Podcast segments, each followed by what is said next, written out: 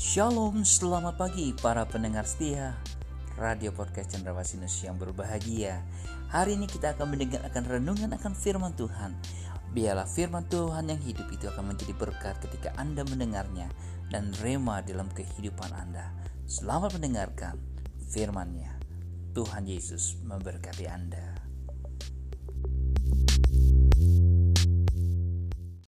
Halo, shalom, tidak pernah bosan, selalu rindu untuk mendengarkan podcast kita setiap hari. Ya, jangan pernah bosan, kita masih hangat sekali dengan yang namanya Pentakosta dan jemaat Tuhan, ya, pelayan Tuhan, siapa pun saat Anda yang sedang mendengar hari ini, pastikan kalau saudara dan saya selalu ingin dihibur dan diberkati lewat kebenaran firman Tuhan Dua jam sudah kita ibadah, artinya ada banyak jam yang terlewatkan. Kalau hidup itu tanpa ada firman, maka kita akan merasa kosong. Isilah selalu dengan kekosongan itu dengan firman-firman yang kita baca lewat ataupun kita dengar lewat podcast ini.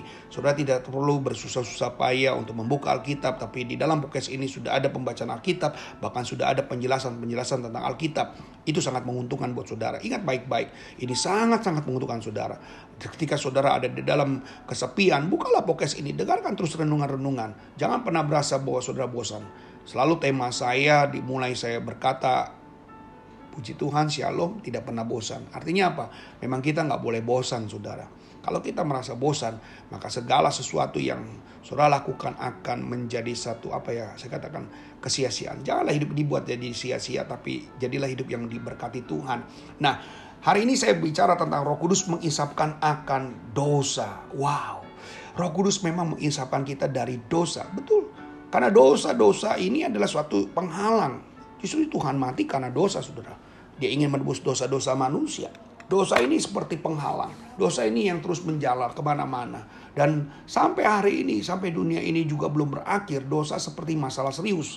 Yang memang tidak pernah habis-habis terselesaikan. Satu beres, satu lagi. Satu beres, satu lagi. Satu beres, satu lagi. Rasanya terus berkontinu. Sepertinya dosa ini seperti mengejar estafet atau mengejar target. Berapa banyak orang yang saat ini jatuh, jatuh, dan jatuh. Lagi-lagi kalau kita punya roh kudus, ini yang menguntungkan kita.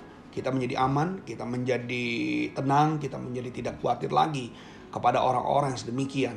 Maka gereja berlomba-lomba kita harus penuh roh kudus karena supaya dosa ini tidak menjalar ke mana-mana dan dosa ini tidak berkembang biak sehingga saudara mampu untuk mengatasinya. Dalam cara mengatasinya nggak mungkin pendeta akan terus memantau kehidupan saudara dari 24 jam Pendeta tidak akan pernah mengikuti bagaimana sudah punya kehidupan selama 24 jam. Gembala apalagi tidak akan pernah mungkin. Hanya roh kudus yang mampu bisa mengontrol kehidupan kita supaya kita tidak jatuh dalam dosa. Saudara-saudara yang kasih dalam Tuhan, saya akan ambil di dalam uh, Yohanes uh, pasal 16 ayat 8 sampai 11. Demikianlah firman Allah. Dan kalau ia datang, ia akan mengisapkan dunia akan dosa, kebenaran dan penghakiman. Akan dosa, karena mereka tetap tidak percaya kepadaku. Akan kebenaran karena aku pergi kepada Bapa dan kamu tidak melihat aku. Akan penghakiman karena penguasa dunia ini telah dihukum. Saudara sudah bisa bayangkan. Ada empat hal yang saya boleh sampaikan hari ini tentang bagaimana roh kudus mengisapkan akan dosa. Yang pertama adalah ayat yang ke-9 akan dosa. Ya tadi saya sudah katakan bahwa dosa adalah suatu uh, persoalan besar yang memang orang-orang Kristen harus bisa menang dalam hal seperti ini Ketika kita sudah mendapatkan predikat sebagai orang percaya, itu adalah suatu hal yang sangat menguntungkan. Mudah bagi gereja untuk bisa menjadi pendamping saudara, untuk saudara dan punya kehidupan, dan gereja tidak perlu lagi khawatir dengan saudara, karena saudara bisa menjaga diri saudara sendiri. Nah, safety belt yang diberikan uh, pesawat terbang untuk saudara berfungsi adalah untuk menjaga diri saudara. Walaupun saudara sudah diamankan di dalam pesawat itu, mungkin saudara tidak akan ternyata terjatuh. Tetapi untuk lebih aman lagi, saudara dikasih safety belt. Artinya apa? Dia ingin membuat saudara menjadi aman dan nyaman. Memang saudara ada dalam perlindungan Tuhan. Bukan berarti gak perlu lagi roh kudus. Dan saudara akan lebih aman ketika saudara ada roh kudus dalam hidup saudara. Menjadi safety belt dalam hidup saudara. Pengaman dalam hidup saudara. Nah, Allah ingin menyadarkan akan dosa dan hukuman serta solusi penyelesaian dosa Lewat Yesus yang telah menjadi Mesias. Lewat Yesus yang telah menjadi Tuhan bagi kita. Dunia nggak mengenal dia, saudara. Dunia menolak dia. Tapi justru hari ini, ketika kita tahu bahwa ada roh kudus, dosa-dosa kita, itu akan lepas dalam kehidupan kita. Dan mau tidak mau kita harus menjadi hidup yang bersih. Di beberapa pokok saya yang kemarin sudah saya sampaikan bahwa kita harus hidup di dalam kehendaknya roh. Bagaimana kita hidup dalam pimpinan yang roh. Supaya apa? Supaya kita lebih tahu ini tempat yang lebih bersih. Pastinya sudah tidak akan pernah mau dikotorkan. Kalau tempat saudara yang sudah sudah bersihkan lalu dikotorkan, maka buat kita akan menjadi lelah dan capek pastinya. Dan Tuhan memang tidak capek untuk melihat saudara, tetapi dengan usaha kita sendiri, kita harus jalankan ke depan masih banyak pekerjaan kita. Tidak hanya mengurusi pribadimu dari dosa ke dosa, tapi ada pekerjaan-pekerjaan Tuhan yang harus kita lanjutkan. Jangan kita stuck, berhenti, hanya mengurusi tentang dosa yang kita lakukan. Tapi berangkatlah untuk kita bisa menang. Yang kedua adalah akan kebenaran ayat ke-10. Kebenaran dalam bahasa Yunani bisa berbicara tentang aletheia. Ya, aletheia. Kebenaran ilahi yang mutlak atau dikaisun. Ya, kebenaran yang bersumber pada Tuhan dengan penyesuaian yang dalam hukum ilahi. Nah, dikaisun ini atau sedaka dalam bahasa Ibrani, kebenaran keadilan dalam hidup keagamamu dan perbuatan baik. Ya, saudara-saudara kalau sudah memiliki kebenaran, lagi-lagi kita tidak perlu lagi khawatir, takut, ya. Maka dikatakan kebenaran ini adalah bagian dari buah roh, dari karunia karunia roh yang roh kudus yang sudah telah terima. Dan kebenaran itu sepertinya akan berjalan langsung dalam hidup saudara. Kebenaran itu akan selalu ada dalam kesesuaian dalam hidupmu. Dan saudara sudah tadi saya katakan ada alarm, ada signal dalam hidup kita, ada sensor dalam tubuh kita. Yang sepertinya kita kalau ada perbuatan yang gak benar, itu sepertinya respon langsung dan rasanya kita nggak nggak bisa. Kita nggak bisa menerimanya. Harus kita mau berubah Nah yang berikutnya adalah ketiga adalah kebenaran Tuhan harus dinyatakan dan diamalkan dalam praktek hidup keagamaan. Yes. Jangan di gereja yang kau bisa bicara A, di B, eh, di luar kau bicara B. Jadi A dan A itu tetap harus menjadi konsonan yang kuat dalam kehidupan kita. Jadi nggak boleh ada baik hanya di dalam gereja, tapi buruk ketika saudara berada di luar. Tinggalkan hal yang seperti itu karena kita tidak patut untuk orang-orang Kristen yang terus uh, bermuka dua atau bermain aman ya, bermain aman, bermain safety. Ya dunia oke, okay, surga oke. Okay. Nah yang seperti ini adalah yang perlu diselamatkan saudara. Yang keempat adalah menolak untuk ambil bagian dalam perkara duniawi. Menolak di sini bukan kita nggak boleh bekerja, nggak boleh bergaul, nggak artinya gini.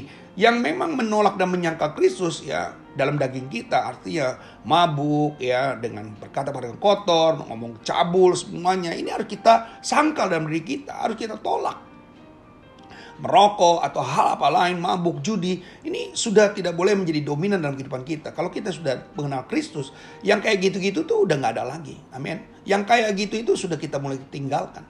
Jangan sudah mulai bertahan dengan kan, kondisi-kondisi yang saat ini, wah kita kayaknya main aman aja, biar aja dengan orang yang sedemikian. Nanti juga akan ada akibatnya. Sebelum mereka menerima akibatnya, alangkah baiknya kita datang kepada dia untuk mendoakan. Kita datang kepada dia untuk sebagai penasehat. Saya percaya sudah-sudah dibutuhkan orang Kristen hari ini yang sedemikian saudara. Untuk menjadikan orang baik kita butuh orang Kristen. Untuk membenarkan orang untuk hidup takut akan Tuhan kita butuh orang Kristen. Jadi saudara sangat spesial, sangat bermanfaat dengan caranya saudara seperti itu bukan membuat saudara menjadi orang yang kepo, bukan. Tapi menjadi orang yang peduli. Orang yang melakukan kehendak Tuhan. Ya Tuhan juga tahu banyak yang buta, banyak ini. Apakah memang ada yang buta semua sembuh? Enggak. Ya mungkin ada orang yang gak, gak, gak berjumpa dengan Tuhan tapi gak percaya sama Tuhan. Tapi saya percaya lewat murid-murid Tuhan kenapa ada 3000 orang bertobat. Pasti di antaranya ada orang-orang yang pernah mengalami sakit disembuhkan saudara. Dan itu tidak akan pernah bisa berlangsung dengan cepat kalau hanya mengandalkan Yesus. Saudara, saudara perlu diandalkan. Amin. Terima kasihlah saudara kalau Tuhan masih mau mengadakan saudara untuk pencapaian jiwa-jiwa. Dan Tuhan Yesus pasti akan membimbing dalam hidupmu sesuai dengan apa yang menjadi panggilanmu datang ke dalam dunia ini. Seperti apa yang Tuhan katakan aku datang bukan untuk dilayani tapi aku datang untuk melayani. Saudara juga sama aku diselamatkan bukan untuk hanya selamat dalam diriku tapi aku juga mau menyelamatkan orang-orang yang di sekitarku. Haleluya.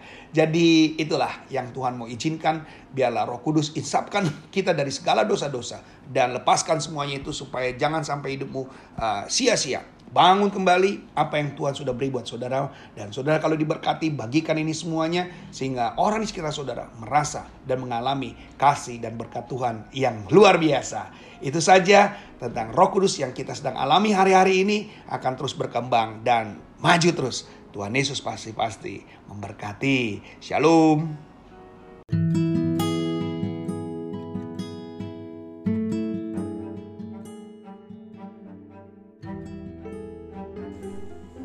Terpujilah bagi nama Tuhan. Melalui renungan hari ini, Anda diberkati Tuhan.